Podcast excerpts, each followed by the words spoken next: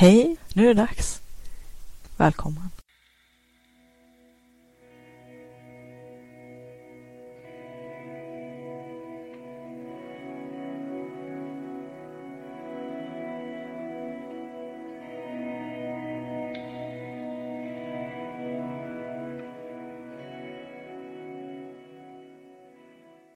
Vill du uppleva mera kreativitet och flow, få mer kvalitetstid till ditt skapande och kreativa liv, mer energi och lust, tillgång till dina kreativa superkrafter?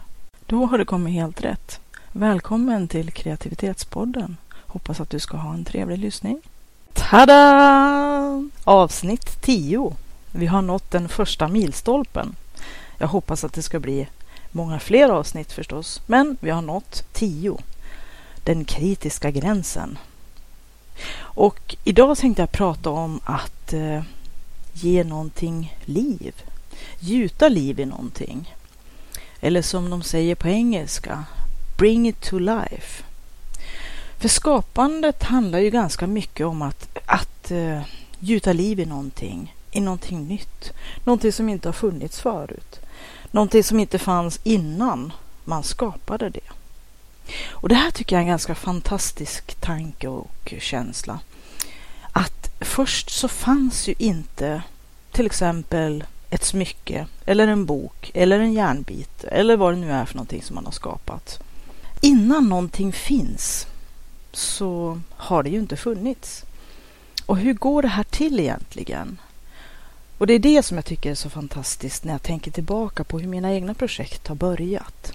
För de börjar ju alltid på samma sätt. Med en tanke. Att någon fick en idé. Och vad är en tanke och en idé egentligen? Lite elektroner som susar runt i en hjärna, lite signalsubstanser, synapser som tar emot signaler. Det är ju ganska abstrakt.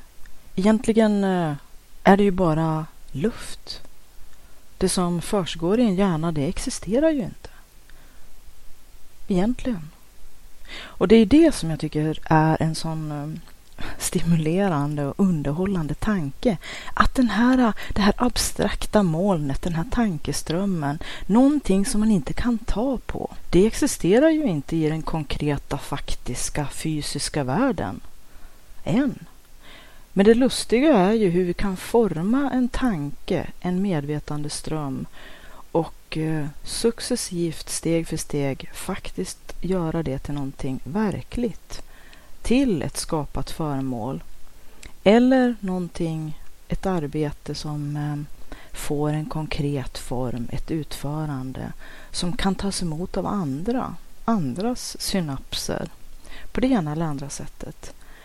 Att forma någonting från ingenting, ja, lite signalsubstanser och lite elektriska signaler som omvandlas till en kemisk signal i hjärnan och susar runt bland synapserna och allt som finns i det här neurologiska nätverket som vi går omkring med. Som i sig är en, en helt fantastisk eh, konstruktion när man fördjupar sig lite grann i. Men eh, att vi kan göra någonting handfast av någonting som från början inte har existerat i, i den verkliga världen. Det tycker jag är så oerhört fascinerande.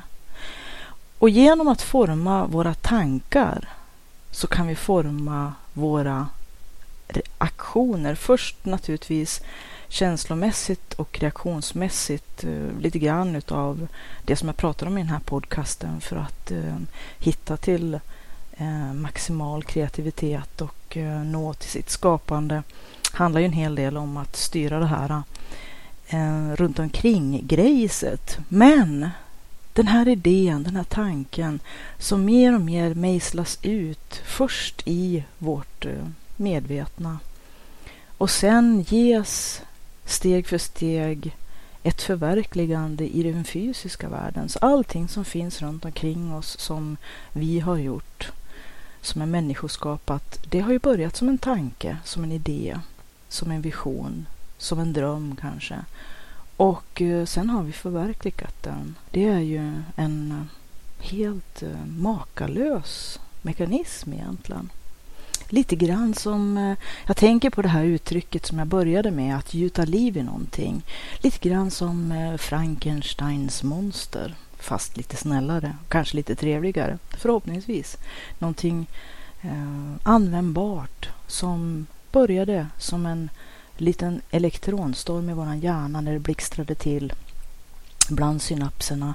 Vi kopplade ihop nya, nya kopplingar och eh, voilà, idén, vad vi vill förverkliga, börjar ta form. Det är där det börjar, i våra huvuden och sen kommer ut i våra händer och blir någonting verkligt, någonting konkret som man kan ta på, som finns. Rätt otroligt egentligen, om man tänker efter. Och jag har sparat en del saker från eh, eh den processen eh, när jag har skrivit mina böcker. Och eh, jag har, nu ligger, ligger alla mina papper från eh, skapandet av Skapa och sälj, den boken, ligger nu uppe på pärlorna på pärlmattan. För jag sitter som vanligt vid mitt pärlbord. Solen lyser in lite skit eftersom att solen har rört sig lite grann. Det är lite senare på eftermiddagen nu. Det, det är sneda strålar. Jag har kaffekoppen här bredvid mig. Ovanpå mina pärlor så har jag lagt eh, det som eh, var först en ganska rudimentär idé, en skiss helt enkelt. Och nu när jag rör på papperna så är det en del pärlor som far i golvet också. Det är väldigt eh, kaotiskt. Men ur kaos eh, så brukar nya ting komma. Kanske kaoset är egentligen grundförutsättningen för att eh, nya saker ska komma till liv. I alla fall så började med en ganska rörig tanke som sen struktureras upp mer och mer. Och eh, jag har ett litet eh, system, om man nu törs kalla det för det, för hur en, en av mina böcker kommer till. Jag har ju en hel del ligger på hårddisken som ska publiceras också i turordning. Men eh, jag börjar alltid med en eh, anteckningsbok. Eller egentligen, det låter väldigt, väldigt eh, välstrukturerat och ordnat. Riktigt så enkelt är det inte. Det brukar börja med att jag samlar eh, lite grann eh, först planlöst utan att jag vet om att jag egentligen i smyg researchar någonting eller samlar information om någonting. Så samlar jag länkar och hemsidor och eh, börjar limma in texter i anteckningar i i datorn och eh, börja klottra på baksidan av kuvert som jag pratade om förut. Och, och sen kan jag eh, använda eh, misslyckade utskriftspapper, sånt som eh, ska kastas och så skriver jag på baksidan av dem. Och eh, till slut har jag en hel stack med eh, fragment. Och då brukar jag eh, till slut komma fram till den idén att eh, det här kanske, nu när jag har så mycket material inom ett område som jag har intresserat mig för, att det här kan nog bli någonting. Vad det ska bli är inte så himla klart från början. Det är inte alltid allting blir just en bok. Formatet bok är ju ganska styrt. Det bör vara över 79 sidor säger standarden för att det ska räknas som bok. Och eh, ja, igen kommer man in på det här med att allting blir så de här mentala murarna att eh, det ska bli någonting och det ska bli så stort och det ska bli så perfekt och det ska bli så märkvärdigt och då låser det sig direkt liksom. Så mitt sätt att eh, motverka det och för att inte direkt måla in mig i ett hörn att eh, jag liksom på något vis har förbundit mig själv eller liksom ja blockerar mig själv, låser mig vid en tanke som kanske kommer att hindra mig så så samlar jag väl ihop materialet och låter det koka lite grann i bakgrunden. Ofta så har ju mycket av det jag gör har ju samlats och kokat och kokat ihop och eh, sen utökats och, och, strukturerats lite och fått lite nya vägar och efter ett tag så är det lite grann som att det har blivit en, eh, ett lite levande ting Eh, man kan väl kalla det en liten levande varelse eller en, en, organisk tillväxt som spretar lite hit och dit och inte riktigt vet vad den vill bli när den blir stor. Men det gör inte så mycket. Många gånger har jag gjort saker och ting bakom min egen rygg. Det låter ju väldigt schizofrent, men det är det här att jag inte vill eh, komma in i någon slags mental folla eller börja sätta upp en massa mentala hinder Eh, Eh, göra murarna väldigt höga eller att eh, färga mig själv med fördomar om vad det jag håller på och liksom både medvetet och undermedvetet att bearbeta. Men efter ett tag, när jag liksom har kommit fram till den slutpunkten att ja, nu vill jag nog att det här ska bli och vad det nu ska bli för någonting. En ny hemsida, en blogg, en podd, en ny instruktionsvideo eller ja, det kan ju bli ganska mycket olika saker. En liten eh, broschyr eller en liten pdf-fil som mina kunder kan få som lite rolig sida och information eller för att utbilda mina kunder. Många gånger så handlar det ju om att försöka eh, ge kunderna lite kunskap om, om det arbete eller det material som jag säljer. Eftersom att, eh, ja, vet man ingenting om bärnsten till exempel så kanske det inte känns så märkvärdigt. Men om man vet hur mycket myt och magi och en massa saker som, som finns invärvt i, i bärnstenen och historien kring hur man upptäckte elektricitet och eh, sådana saker. Det är en jättestor historia kring bärnsten och om eh, fossil och inneslutningar av djur och insekter och arkeologins nytta utav eh, att kunna kartlägga eh, vår historia och en massa saker.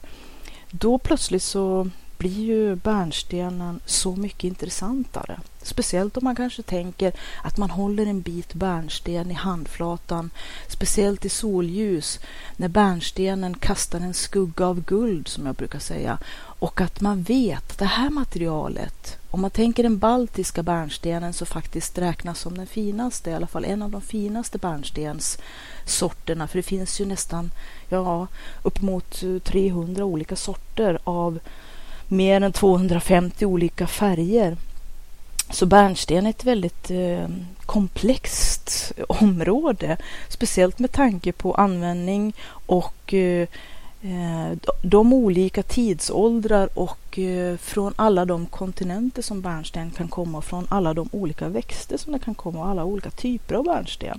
Man har använt bärnsten eh, medicinskt, både folkmedicin och kanske lite magi och kanske lite verkningslöst som vidskepelse och myt och så, men också faktiskt i, om man ska säga inom citattecken, riktig medicin i modern tid.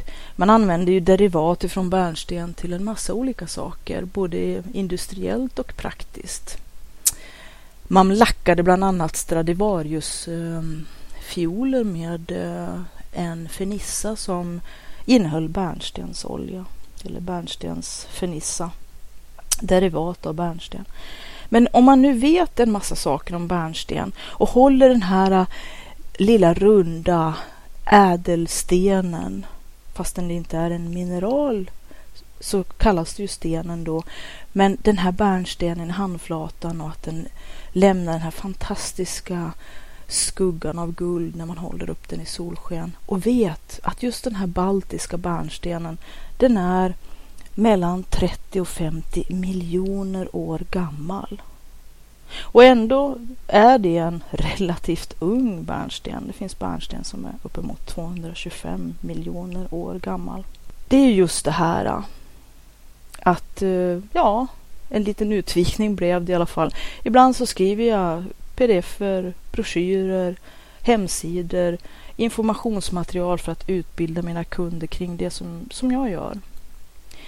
Och är man konstnär eller artist eller entreprenör eller egen företagare och då man, eller författare eh, så har man väldigt stor nytta av att läsa den här boken Skap och sälj. Där finns det faktiskt ett kapitel som handlar just om det här att utbilda sina kunder. En liten avstickare.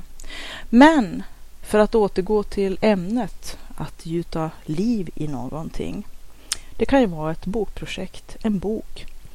När jag har samlat tillräckligt mycket material och eh, alla de här eh, fragmenten har lite grann eh, samlats i lite mer strukturerade högar och jag ser att jag har ett ganska digert material och jag har beslutat att ja, det kan bli en bok. Jag vill göra en bok av det. Då tar jag fram anteckningsboken som jag öppnade lite kavat med lite sådär sturskt. Den brukar komma in ganska mycket senare i bilden. Och vad gör jag med den här eh, anteckningsboken? Ja, jag fortsätter att fylla i en massa olika fragment av kunskap, uppslag, idéer och, och sådär. Men inte, det är inte det viktigaste, utan det viktigaste är att jag skriver upp varje punkt i en liten fyrkant. Jag ritar upp en liten fyrkantig ruta och så kan jag skriva då ett stödord eller titeln på, en, eh, på ett kapitel eller titeln på ett stycke eller eh, ett ämne inom det här, eh, inom, den här, inom bokens område till exempel. Eh, det är ganska ostrukturerat fortfarande. Jag kastar ner en massa sådana här stödord eller innehålls... Man kanske skulle kunna kalla det för hållare. Små, små hållare för varje samlat fragment. Och så gör jag en liten fyrkant runt om som ska symbolisera en, en boksida eller en sida. Fast i, i verkligheten så kanske det inte alls blir en hel sida i manuset. Det kanske bara blir en rubrik eller ett stycke och i vissa fall kanske det blir en hel boksida eller en halv. Eller så kanske det kommer att kunna expandera till ett helt gäng med sidor eller några stycken sidor. Men det är ganska ointressant i det här skedet. Jag skriver ner alla de här platshållarna eller de här innehållsbehållarna, eh, eh, små kapslar som jag liksom bara helt eh, ostrukturerat skriver sida upp och sida ner, fyrkanter på fyrkanter på fyrkanter med små innehållskorn när det gällde järnboken som varit en um, ganska komplex bok trots att den inte är så himla tjock så var jag ju tvungen att strukturera upp materialet stenhårt och likaså med, med boken Skapa och sälj. Att det finns både ett kronologiskt, en kronologisk linje som jag måste följa och att jag måste försöka täcka in alla ämnesområden i någon form av logik. Ja, om man tänker att man måste börja med en grund eller ett första steg för att ta det nästa steget och så att de måste följa varandra i en viss logisk ordning för att det ska bli någon röd tråd och för att läsaren ska kunna, mottagaren ska kunna förstå någonting. Mycket handlar ju om faktiskt hur saker och ting ska tas emot av de som är ens målgrupp eller ens kunder eller klienter eller ja, läsare, lyssnare, tittare. Det beror ju på vad det är för typ av skapad eh, skapad grej som vi tänker oss. Om det är en bok eller en fotoutställning eller om det är en informationsbroschyr eller om det är en hemsida som helst ska vara lättnavigerad och intuitiv att förstå och som ska ha en viss logisk struktur. Och sen när jag känner att jag har nästan tömt ut alla de här uppslagen och punkterna och mm, samtidigt har jag ju samlat alla de här äh, andra fragmenten som jag har antecknat i diverse olika dokument. Oftast är det ganska spritt, men jag brukar ha en äh, projektmapp. Så att när det börjar bli äh, en, en liten, liten grej som håller på och växer, en liten grodd, så brukar jag skapa en mapp och så sen så börjar jag lite mera ordnat att eh, stoppa ner allting som råkar ja, bli sådana fragment som passar in i den här eh, gruppen. Då. Det kan ju också vara när jag researchar någonting. Det kan ju vara en, en smyckestillverkningsteknik som jag samlar lite olika information om eller ett, ett, material. Men sen när jag har den här projektmappen då blir det ju lite lättare för att då se till att uh, samla allting där. Lika med i, i webbläsaren så har jag en speciell mapp bland bokmärkena där jag samlar alla saker som hör ihop med det här. Sen för att jag hatar att leta och som jag pratade i något tidigare avsnitt här att genom att ha hyggligt eh, ordnat en viss struktur och vet var man ska hitta grejerna så slipper man ägna hela sin eller halva sin ungdom åt att leta och tappa sugen och mycket tid och eh, lust och kreativ energi försvinner om man hela tiden bara ska leta efter saker som man vet att man har någonstans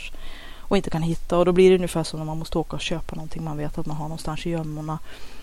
att om jag vet att jag har ett dokument eller en samlad information om någonting, ja, ska jag behöva göra om arbetet? Det är ju inte så, inte så kul.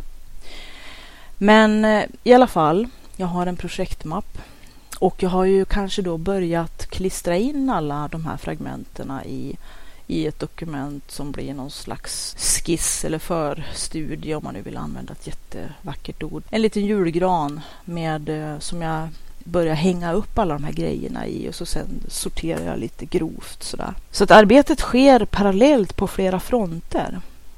Och eh, det, det, kan ju i och för sig vara liksom lite splittrande och speciellt när jag ofta jobbar med flera projekt parallellt. Eh, det är ju bra på ett sätt för att eh, det håller mig kreativ och ehm, jag känner mig jag mår bra då, men samtidigt så när man jobbar på bred front kan man bli splittrad samtidigt som att komma i mål med ett projekt kan ju ta mycket längre tid när man håller på och driver flera stycken parallellt. Så man måste kanske avgränsa och begränsa sig. Det har jag pratat om i ett avsnitt också. Att man kanske inte kan eh, förverkliga allt på samma gång.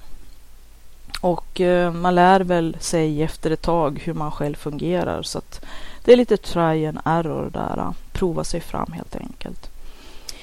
Så att eh, då samtidigt som min hjärna håller på i bakgrunden och kokar lite grann Eh, inom det här projektet. Först ganska undermedvetet och lite sådär eh, i bakgrunden verkligen. Så kanske ett projekt plötsligt växer fram och eh, tar framsätet så att säga. För att, man kanske inte kan ha så många projekt i framsätet samtidigt. Några stycken som man jobbar mest intensivt med. Så den här mappen och det här rudimentära manuset som börjar lite organiskt också att växa fram. Så har jag ju då den här anteckningsboken med alla de här platshållarna, med alla de här rutorna med punkter jag inte vill glömma bort. Sen så skriver jag in alla de här innehållet i alla de här fyrkantiga rutorna i Excel. Och eh, Excel använder jag inte så himla avancerat i just det här sammanhanget. Excel är ju bra för att räkna och statistik och bokföring och siffror och ja, allt sånt där. Men i det här sammanhanget så använder jag väldigt enkelt som en tabell för att sen kunna skriva ut eh, en massa etiketter. Jag kanske har en väldigt udda typ av eh, sätt att strukturera mitt manus. En annan variant som är faktiskt egentligen samma idé fast på ett litet annat sätt det är att man då skulle istället för att skriva de här rutorna i det här anteckningsblocket eh, med sina platshållare eller sina innehållskapslar för att kunna hålla fast vid eh, saker som man liksom inte vill tappa i den här strukturen så kan man ju skriva indexkort som de brukar kalla det på index cards på, som de kallar på engelska, små, ja typ visitkorts man kan väl ha vilken storlek man vill på de här korten men om man tänker sig någonting i visitkortsstorlek som eh, man kan då kasta ner varje sak, varje punkt man inte vill glömma bort. Det kan vara ett stödord, det kan vara en rubrik, det kan vara ja, vad som helst. Eh, och så lägger man det i en låda eller ja, någonstans där man har alla de här korten för just det här projektet samlade. Och sen till slut så kan man ju lägga ut de här korten, sortera dem och lägga dem i en logisk eller kronologisk ordning på ett bord eller på golvet. Det beror på hur många kort man har eller som jag vet en författare nålar upp. Istället för sådana här kort använder hon eh, post-it-lappar som hon nålar fast på ett lakan som hon hänger upp på en vägg. Jag körde med den metoden med indexkort som jag, som jag tejpade fast på en, en väldigt stor anslagstavla på en vägg. Som var mitt, eh, ja, ett av de sätt som jag använder.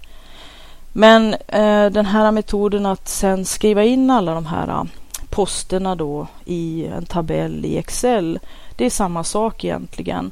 Fast lite mera, ja i alla fall som jag tyckte, eh, mera lätthanterligt kanske. Att skriva ner alla de här eh, punkterna igen då i, det här, i de här små rutorna i ett Excel-ark kan ju vara ganska tidsödande. Men å andra sidan så är det ett bra sätt att gå igenom sina hållpunkter också. Om man nu ska se något positivt med det här mekaniska arbetet att sitta och hacka ner allting som man har kastat ner i sina, i sina anteckningar som man har gjort för hand. Så sen till slut, jag brukar köpa eh, sån här eh, en låda med etiketter som är ganska små etiketter. Naturligtvis får man väl anpassa storleken. Om man nu har tänkt använda sig av min metod eh, så får man väl skriva ut på vilka etiketter man vill. Men mina etiketter har i alla fall varit av en relativt liten storlek.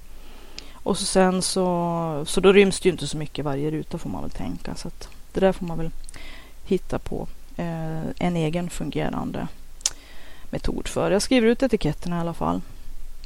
Och så sen så tar jag en massa A4 kopieringspapper. Och så sen så Eftersom att jag då har gått igenom materialet så har jag oftast eh, fått en relativt eh, klar bild över vilka huvudgrupperingar som de här etiketterna hamnar. Så att eh, då klistrar jag upp dem som hör ihop på samma A4-papper och kanske till och med ger det en rudimentär eller provisorisk kapitelrubrik.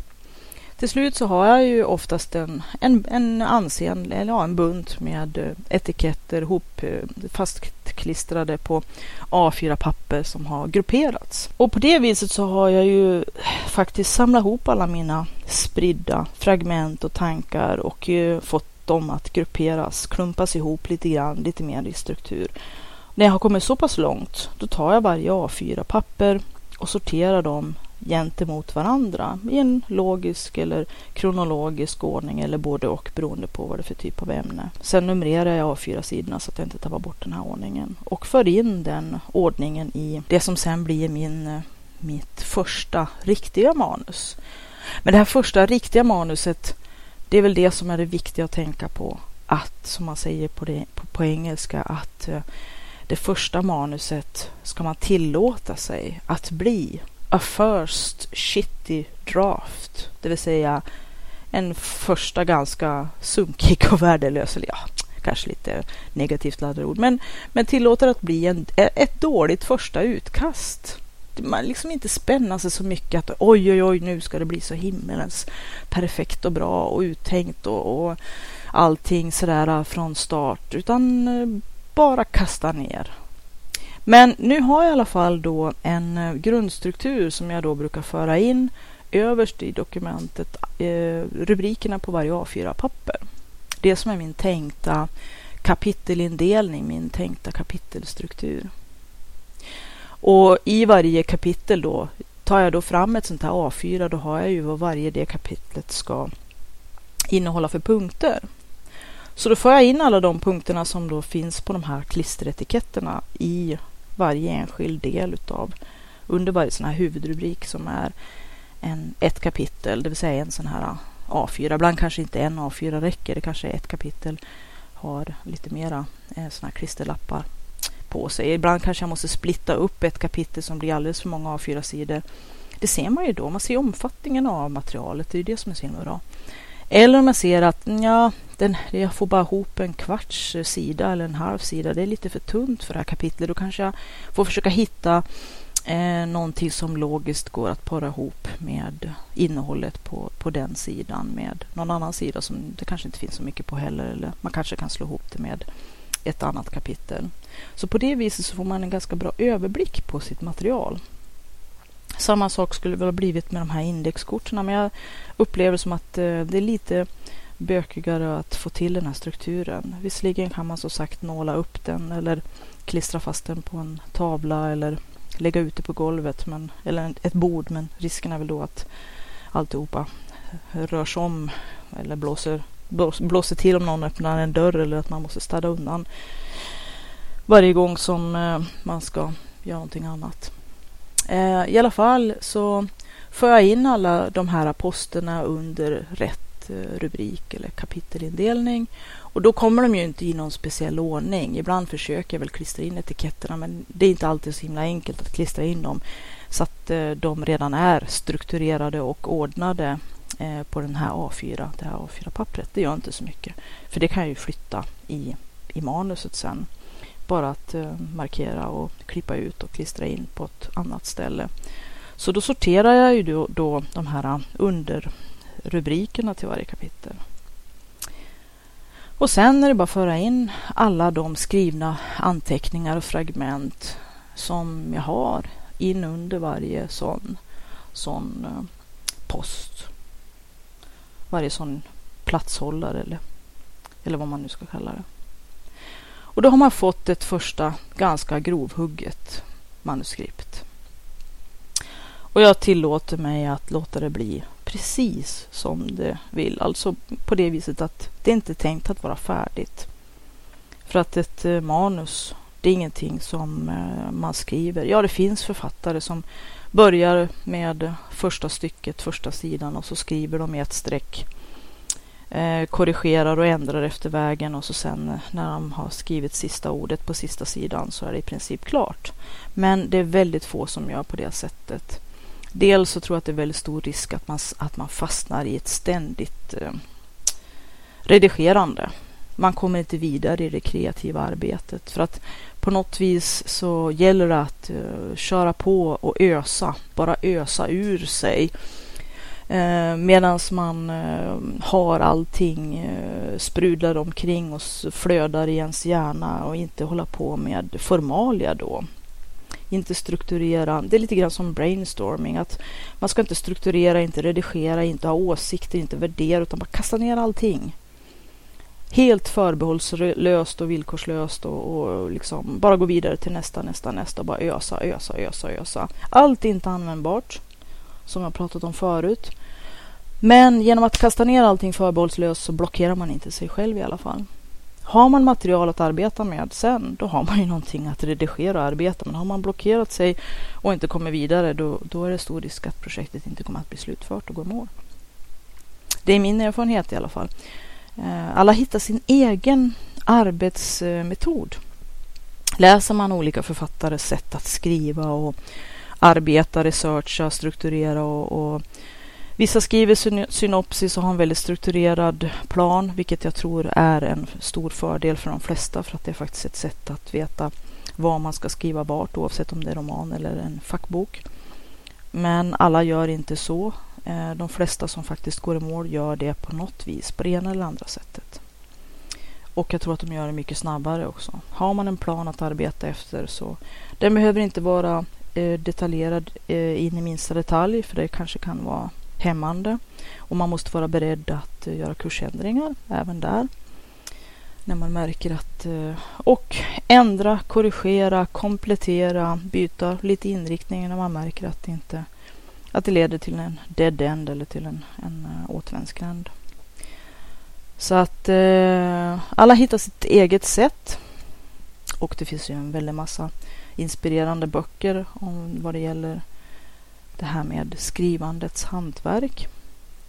Och Skapa och sälj är en jättebra bok för den som vill eh, publicera sin bok, hur man ska marknadsföra den och hur man ska sälja den. För att eh, egentligen, det är lite hårt att behöva berätta det här. Nu sitter jag och bläddrar i Skapa och sälj här. Men saken är ju den att eh, när man har researchat boken i tre års tid och man har hållit på och skrivit på manuset ungefär lika länge och eh, till slut bearbetat manuset i flera olika steg så att man eh, utkastet, det här första shitty draft har utvecklats till ett råmanus ett och ett eh, manus två och kanske tre och fyra och fem. Oftast då brukar det bli ganska många olika vänder att förfina och förädla och ehm, strukturera, redigera, korrläsa, komplettera, ändra, ta bort i det här manuset tills man är helt och hållet nöjd och efter det ska man korrekturläsa och låta andra läsa och eh, det blir en massa vändor med det här manuset innan det är klart. Det är ett oändligt arbete. Att skriva en bok, det kan man jämföra med att genomföra ett riktigt eh, långt och eh, tungt, ett svårt, ett extremmaraton faktiskt. Så har man gått i mål och skrivit ett bokmanus så kan man verkligen klappa sig på axeln och, och, man bör fira att man har kommit i mål, att man faktiskt har både förverkligat sin dröm och sin vision och gått i mål. Många vill skriva en bok, många pratar om att skriva en bok, många har skrivit en massa fragment och det är inte bortkastat som jag pratat om tidigare det här med kreativt arbete. Det är alltid eh, kommer alltid till nytta. Men många kommer inte att komma längre än eh, 10-15 sidor på varje text de påbörjar och det är vackert så. Eh, det kan användas på en massa olika sätt till noveller och till antologier och skickas in som eh, ja, tävlingsbidrag och framförallt är det ju igen då det här med att lära sig hantverket. Att det är en lång process att, eh, att eh, hitta sitt, sitt språk, sin röst och sådär. Men hur den är så är det väldigt, väldigt få det, som, som går i mål med ett bokmanus. För det är väldigt, väldigt eh, långt lopp. Och den uthålligheten över flera år som krävs har inte alla. Men om man nu har gjort det så är det faktiskt så att då när manuset, när man upplever att manuset är klart så har arbetet precis börjat. För sen ska boken göras, eller manuset göras tryckfärdigt och eh, sen ska boken, eh, så, så tar bokproduktionen vid, vilket är ett ganska så långt och eh, svårt arbete. Och sen trycks förhoppningsvis boken och eh, när den ges ut, dagen när man får släppa ut sin lilla bebis ut i världen, så um, startar det riktigt svåra arbetet och det är ju faktiskt att eh, sprida boken och eh, göra, eh, marknadsföra den och sälja den. Många tror ju att det är någonting som bokförlagen gör åt en, åt författarna. Det är nog väldigt få författare som, som har en marknadsföringsbudget så att det kommer att annonseras och göras några kampanjer. De allra flesta författarna får faktiskt eh, driva en väldigt, väldigt stor andel av det här marknadsföringsarbetet själva. Det bör man vara förberedd på. Så att det är inte bara att släppa manuset och få det antaget och så sen skriva kontrakt och, och sen vänta på att pengarna ska ramla in. Det kommer de inte att göra. Och eh, att det krävs fortfarande en väldigt, väldigt stor andel av egen insats och arbete för att eh, det ska bli en färdigt tryckt bok. För även det manuset som man har trott är helt och hållet färdigt, det kommer det att arbetas på i många vändor innan, innan det kommer att eh, hamna på tryckeriet. Så det gäller att ha en, en väldig uthållighet i alla fall när det gäller böcker. Det finns ju andra format som sagt, så att det behöver ju inte bli en bok. Och eh, allt det man skapar kanske inte har format så att, så att eh, det passar i en bok heller. Men eh, skapa och sälj är en bra kompis om man nu driver egen verksamhet och vill marknadsföra och sälja det man har skapat. Och det kan ju vara inom vilket område som helst. Det kan ju vara alltifrån att driva ett, eh, ett eh, gårdsslakteri eller en, en kravgård, konstnärssmide. Det kan ju vara vad som helst egentligen. Också för författare.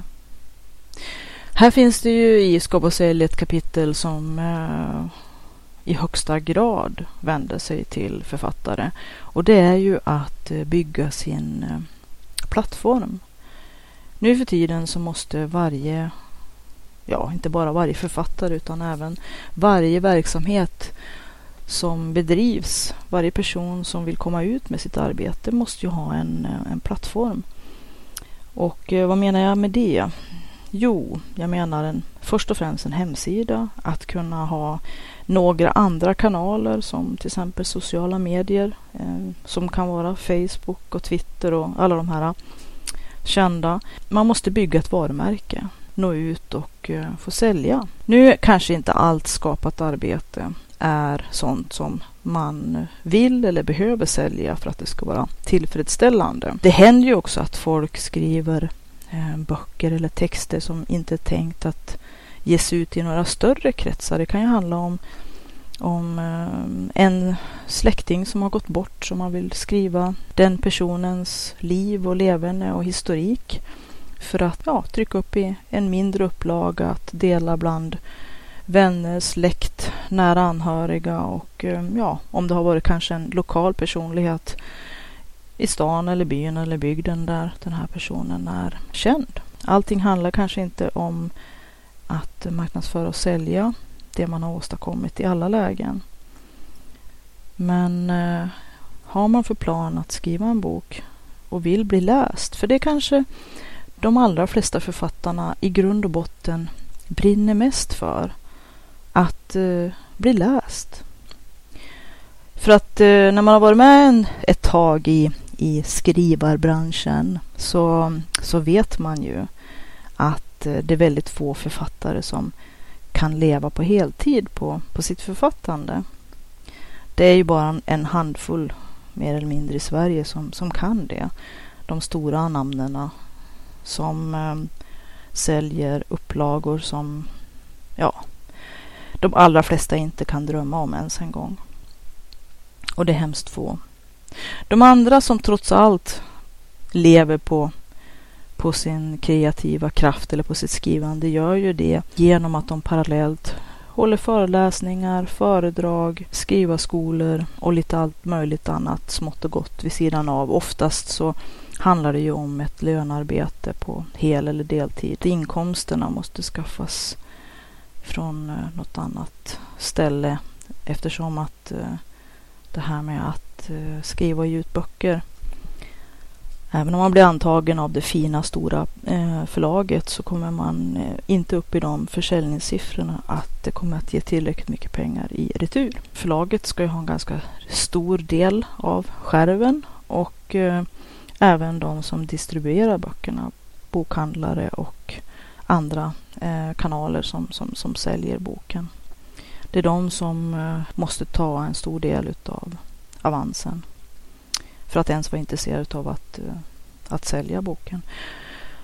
Och sen ska den transporteras både från eh, tryckeriet till där den lagras, boken, och eh, från oftast via ett centrallager skickas till de olika bokhandlarna och de som i sin tur säljer boken. Så att det är en hel del mellanhänder.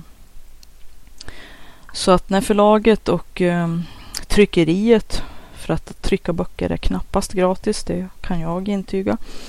Eh, och eh, alla, alla led i den här distributionskedjan har fått sitt, då är det en väldigt liten slant som kommer författaren till godo. Men många eh, vill ju i första hand bli lästa och ungefär som nästan de allra flesta skapande människor faktiskt vill att det de gör ska komma någon till glädje och nytta, komma någon till godo och få en liten eh, bekräftelse på det de har gjort kanske i retur. Allt handlar inte om pengar som sagt. Det är ju sådana här saker som man får, får ha med i, i tankarna. Men för att återgå till min egen skapande process när det gäller böcker. Nu har jag de här äh, olika skisserna på nästan steg för steg här framför mig hur, hur en bok växer fram. Jag har nu mitt äh, jättegenomarbetade manus. Jag har börjat äh, komma i det stadiet att, att omslaget ska, ska designas och formges. Och bokens eh, eh, sidor ska också layoutas och eh, formges. Och det är ett ganska stort arbete. Mycket större än vad man kan tro faktiskt. I alla fall för mig som vill att, att varje bok ska vara eh, en, en vacker bok. Ett smycke nära på, en artefakt i sig. Och att eh, när man eh, läser boken så ska den vara så lättillgänglig och så vacker som bara går. Utan att eh, man har låtit typografi och en massa flådiga teckensnitt och fonter ta över, utan det handlar om läsbarhet, användbarhet, struktur, tillgänglighet och att man har gjort sättningen av boken, det vill säga hur, hur eh all text och hur rubriker och mellanrubriker och kapitelindelning och allt vad det kan vara för någonting ska se ut på ett sådant sätt och typografin och, och också. Så att den så långt det är möjligt ska fylla maximal funktion och gärna vara vilsam för ögat och vacker men på ett lågmält sätt så att inte som sagt layouten och uh, formgivningen och eh, typografin och vilken typ av fonter och, mm, eller teckensnitt man har valt. Det vill säga hur bokstäverna ser ut och, och så. Att inte det blir dominant och tar över alltihopa för att då har man misslyckats lite grann. Eh, den typografi som, om man nu eh, ska, ska spetsa till det lite grann, är någonting att ha. Det är den som inte märks men som ändå underlättar läsningen och verkligen ser se till att man sugs in i boken och kan tillgodogöra sig den på absolut det bästa möjliga tänkbara sätt. Att det ska bli en njutning. En bok är ju en ganska sinnlig sak om man i alla fall tänker på böcker man håller i handen. Jag läser ju som sagt en hel del på skärm, vilket också är bra med tanke på träd och sånt som annars måste sågas ner och göra pappersmassa av och ska fraktas runt. Både dyrt och ehm, ja, resurskrävande. Ehm, både vad det gäller råmaterial och ehm, transporter och energi och utsläpp och allt vad det kan vara för någonting. Eh, jag lyssnar ju också ganska mycket på ljudböcker och podcastar som jag också har berättat om som jag tycker är en, en oerhörd resurs och, och berikar mitt liv jättemycket. Men ändå, om man nu har gjort en väldigt vacker bok som har blivit någonting man känner är eh, värt att få hålla i händerna.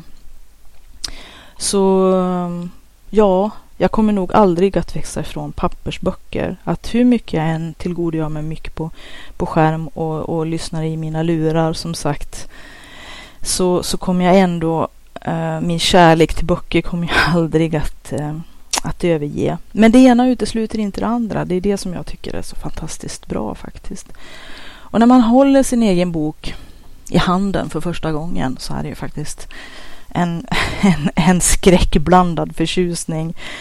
Det ska jag villigt erkänna att eh, om man då har tur och inte har gjort bort sig stort någonstans i den här eh, bokproduktionskedjan och eh, provtrycket kommer från, från tryckeriet och allting ser ut som man hoppas och man sen vågar eh, lämna in eh, beställningen på första upplagan och få den hemskickad i kartonger och så öppnar man det och tittar på boken så är man ju fortfarande livrädd att visserligen gick ju provtrycket bra men det är ju inte säkert kanske att, att det skarpa trycket har gått hela vägen okej okay, och blivit rätt.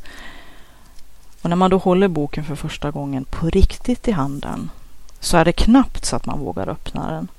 För att eh, hur man än gör, och jag har ju korrläst och fått andra korrläst för att ens egna ögon blir till slut så hemmablinda att de inte kan se någonting. Man måste ha andra som läser och korrar och redigerar eh, ens texter. Men jag har hittills inte hittat, in, varken mina egna böcker eller någon annans böcker, där jag inte har kunnat upptäcka ett fel. Ibland till och med ett antal fel. Eh, man ska sträva efter en bok ska vara så välskriven och så välredigerad och eh, så utan fel som bara är möjligt. Men eh, det perfekta, det finns ju inte så att man kommer att hitta saker, om inte direkta tryckfel eller stavfel, Gud förbjude, så kanske man hittar eh, andra saker som inte riktigt blev som man hade tänkt eller planerat. För det ser lite annorlunda ut när det verkligen kommer i tryck och kommer i form av den färdiga boken. Det är ju sånt som man kanske kan redigera och ändra och förbättra till nästa upplaga. Det är ju trevligt och där är det ju ännu trevligare med elektroniska böcker. För där kan man ju faktiskt ändra eh, ganska snabbt. Man behöver inte sälja hela upplagan innan man kan eh, fixa de fel som man hittar och mer eller mindre löpande ändra sånt som man känner att man vill förbättra. Men när man har fått boken i sin hand och börjar titta igenom den så kommer felen att lysa som, som eh, laserstrålar i ögonen på en och det vill man inte uppleva. Så att därför så eh, gör man det här arbetet innan det kommer till trycket så, så ihärdigt som man bara kan. Om man är smart. För att eh, man får bara ångra sig sen annars. Och i början när man bläddrar i boken är det som sagt eh, lite grann utav en um, skräckblandad förtjusning. Man är ju väldigt lycklig och nöjd att man äntligen, äntligen, äntligen har nått i mål.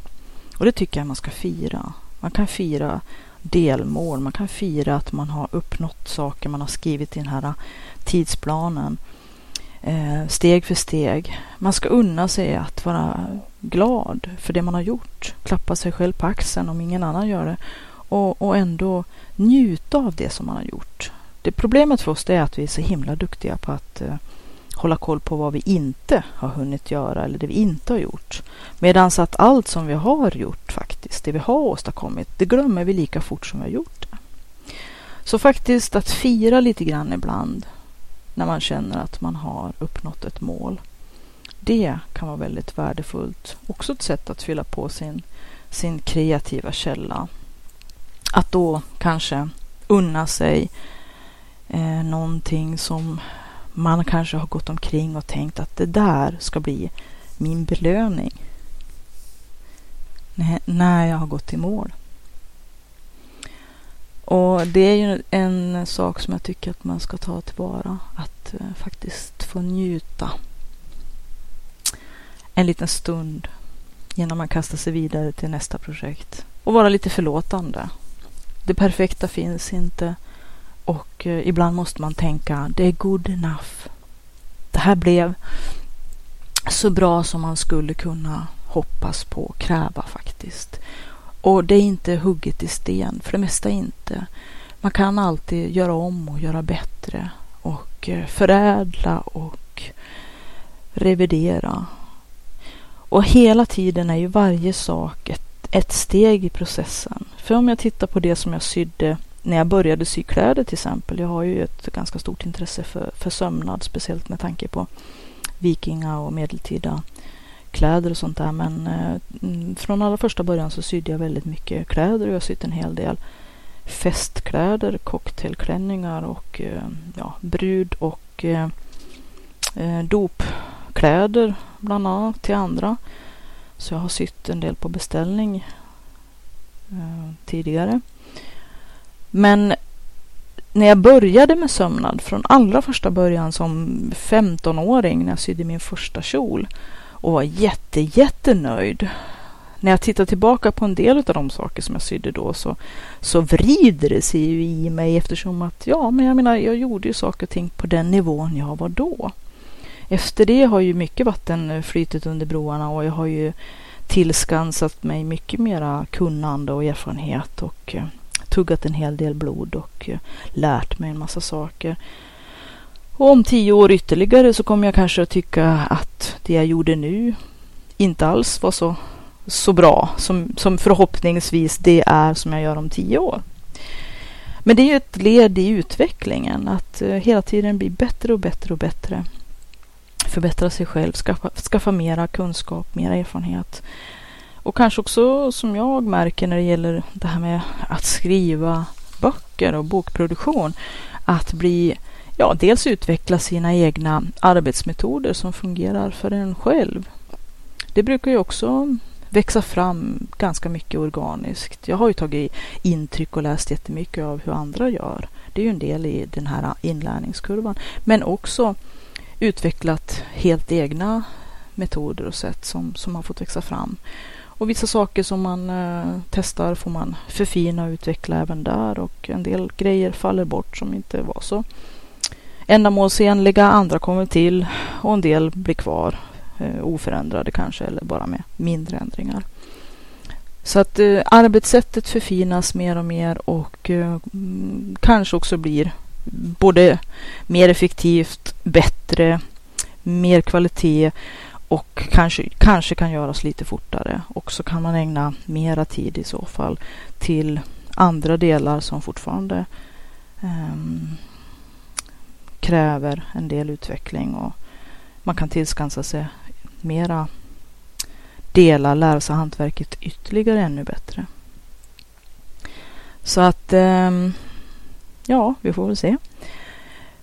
Men eh, när boken har kommit ifrån tryckeriet och man har kommit över den, den här, det här första väldigt, väldigt starka skräcken att våga öppna sin egen bok och konfronteras med eh, kanske ett resultat man, man inte har tänkt sig. Hittills har det gått bra för mig i alla fall. Jag har eh, eh, fått de böcker i handen som, som jag hade förväntat mig och att de blev ungefär så som jag hade tänkt mig. Så att, eh, men det är i alla fall samma skräck. Jag tror den kommer nog aldrig att försvinna. Att när man öppnar den första boken, när det kommer från tryckeriet, så är det som sagt med skräckblandad förtjusning. Men när den har lagt sig så, så är man ju stolt som, ett, som, som en eh, nybliven mor faktiskt. För att den här boken, den här skapelsen, det är ju ens, ens, ens barn, ens baby som nu har blivit stor och ska ut i världen.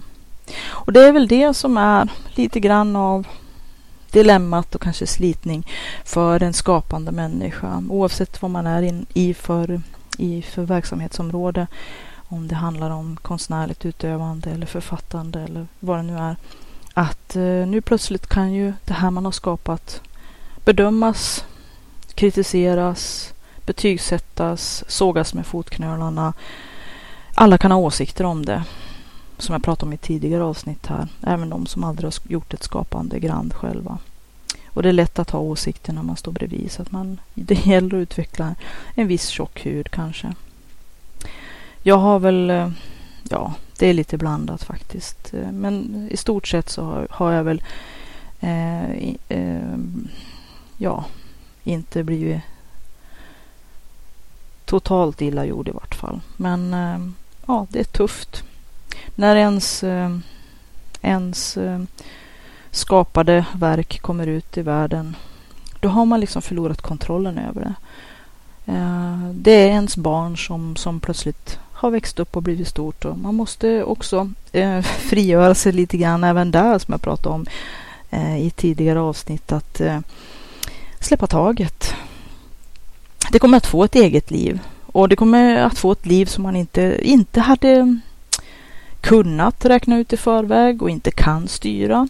Och i många delar, i alla fall som jag känner, eh, speciellt med järnboken som har funnits längst, så, så har så mycket gott kommit ur det också. Att det är klart, visst är det väldigt skakigt och hemskt och otäckt att hela världen kan bedöma en och ha åsikter och det har folk minsann många gånger.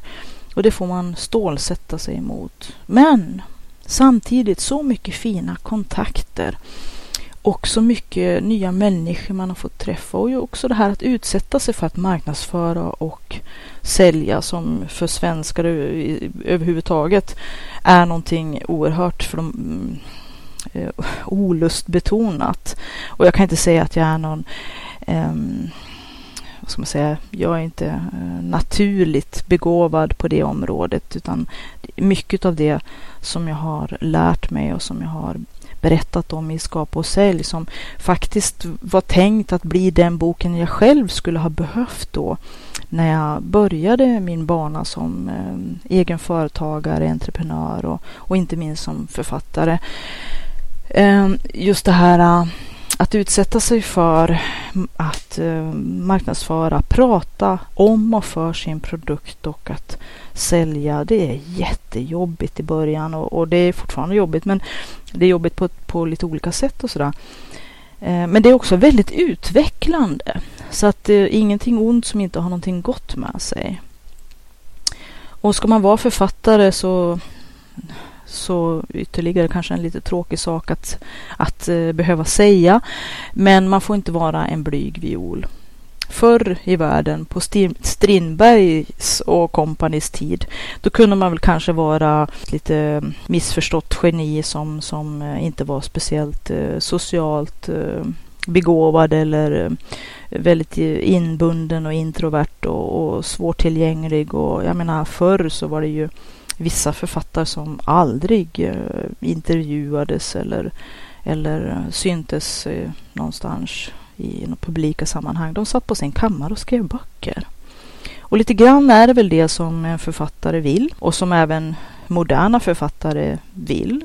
Mig själv inräknad förstås. Skulle man få ägna all sin tid åt att bara skriva och göra det kreativa arbetet så skulle det ju vara fantastiskt underlätta fantastiskt mycket. Eh, och framförallt om man hade någon ekonomi att tala om. Det är ju en annan tråkig sida kanske utav saken om man vill vara en skapande och kreativ människa på heltid som författare till exempel. Eh, men nu för tiden så måste man som författare kunna ge föredragningar, eh, prata om sig själv och om sin produkt, bygga sitt varumärke, bygga sin plattform på nätet och allt vad det innebär.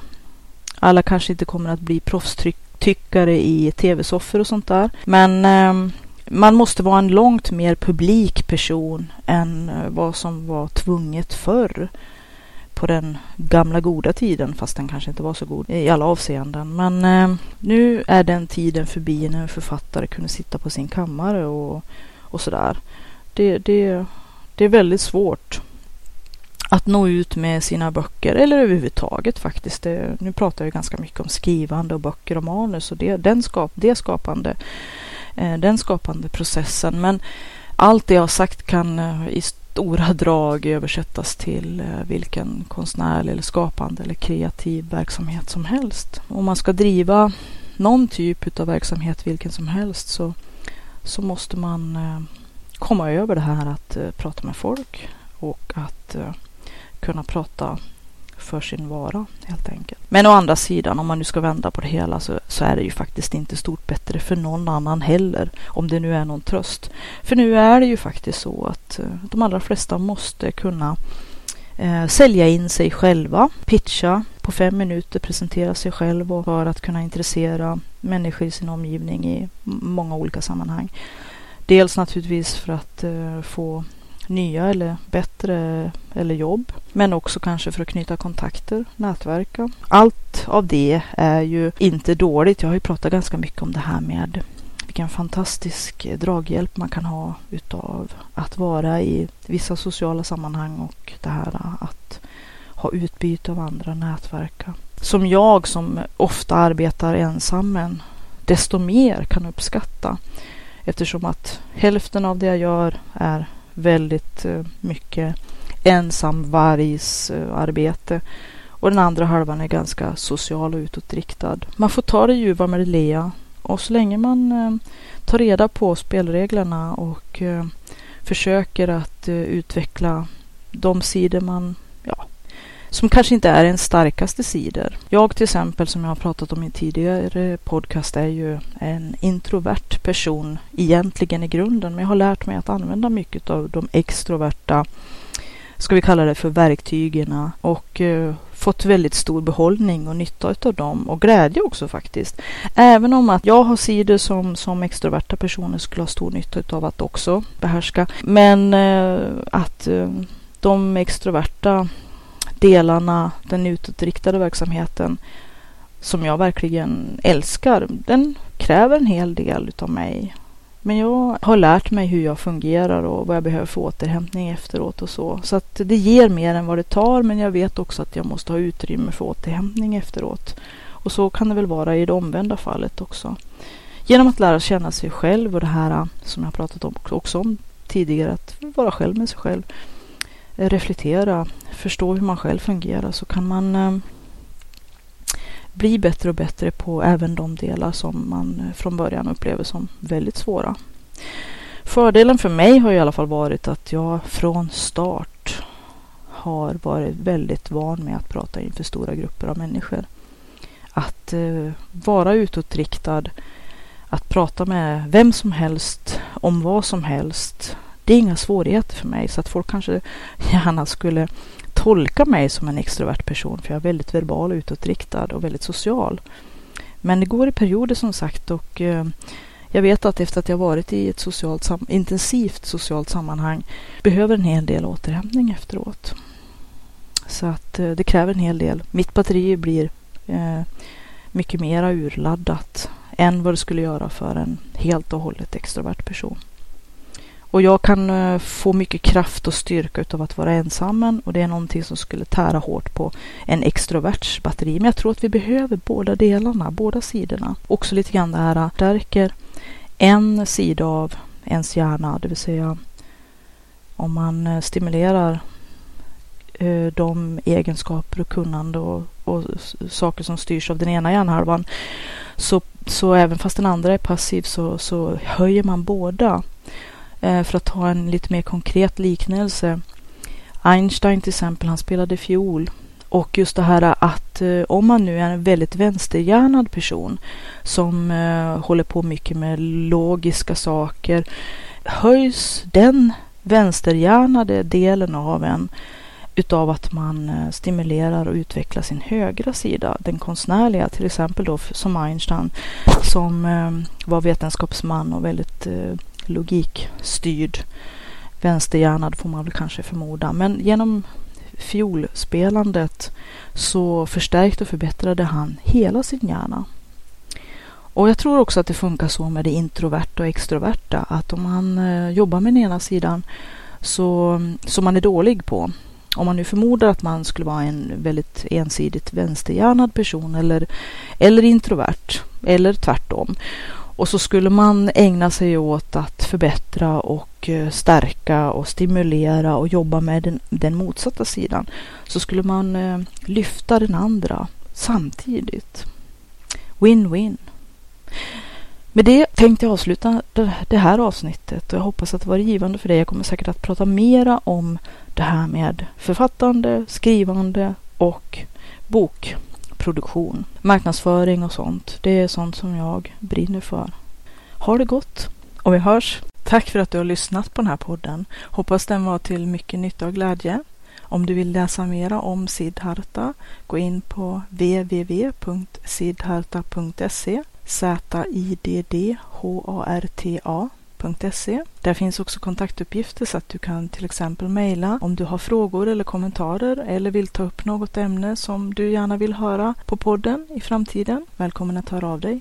Kreativitetspodden har också en egen Facebookgrupp så att om du söker på kreativitet eller kreativitetspodden så hittar du kreativitetspodden på Facebook. Anmäl dig gärna där som följare så får du uppdateringar löpande om nya avsnitt och saker som händer på kreativitetsfronten. Du kan också gå in på www.sidharta.se och klicka på länken högst upp till vänster bidra för att se vad du kan göra för att hjälpa den här podden att fortleva och att visa ditt stöd. Så gå in där på bidra så ser du hur det går till. Jag som driver kreativitetspodden heter Katrin Sidharta Tangen och jag är författare, järnsmed, driver www.sidharta.se och Sidhartas webbutik. Jag har skrivit flera böcker, bland annat Skapa och sälj som är en handbok för entreprenörer, kreativa och skapande människor. Jag har skrivit Forntida järn, Ancient Iron, som handlar om forntida järnframställning och eh, vikingatida järnsmide. Jag har även skrivit Pitch 13 som är en serie i genren Dark Urban Fantasy och eh, nu finns även ljudboken för kreativitet och flow enligt Siddharta. Allt detta kan du hitta på www.siddharta.se där du också kan gå in i butiken, Siddhartas webbshop, där böckerna kan köpas till bästa pris. Böckerna kan också hittas på Bokus och Adlibris och på de vanliga ställena där du köper böcker. E-böckerna kan också köpas via Kobo och eh, Amazon med flera ställen där e-böcker säljs. Ha det gott. Tack för att du har lyssnat. Hej då!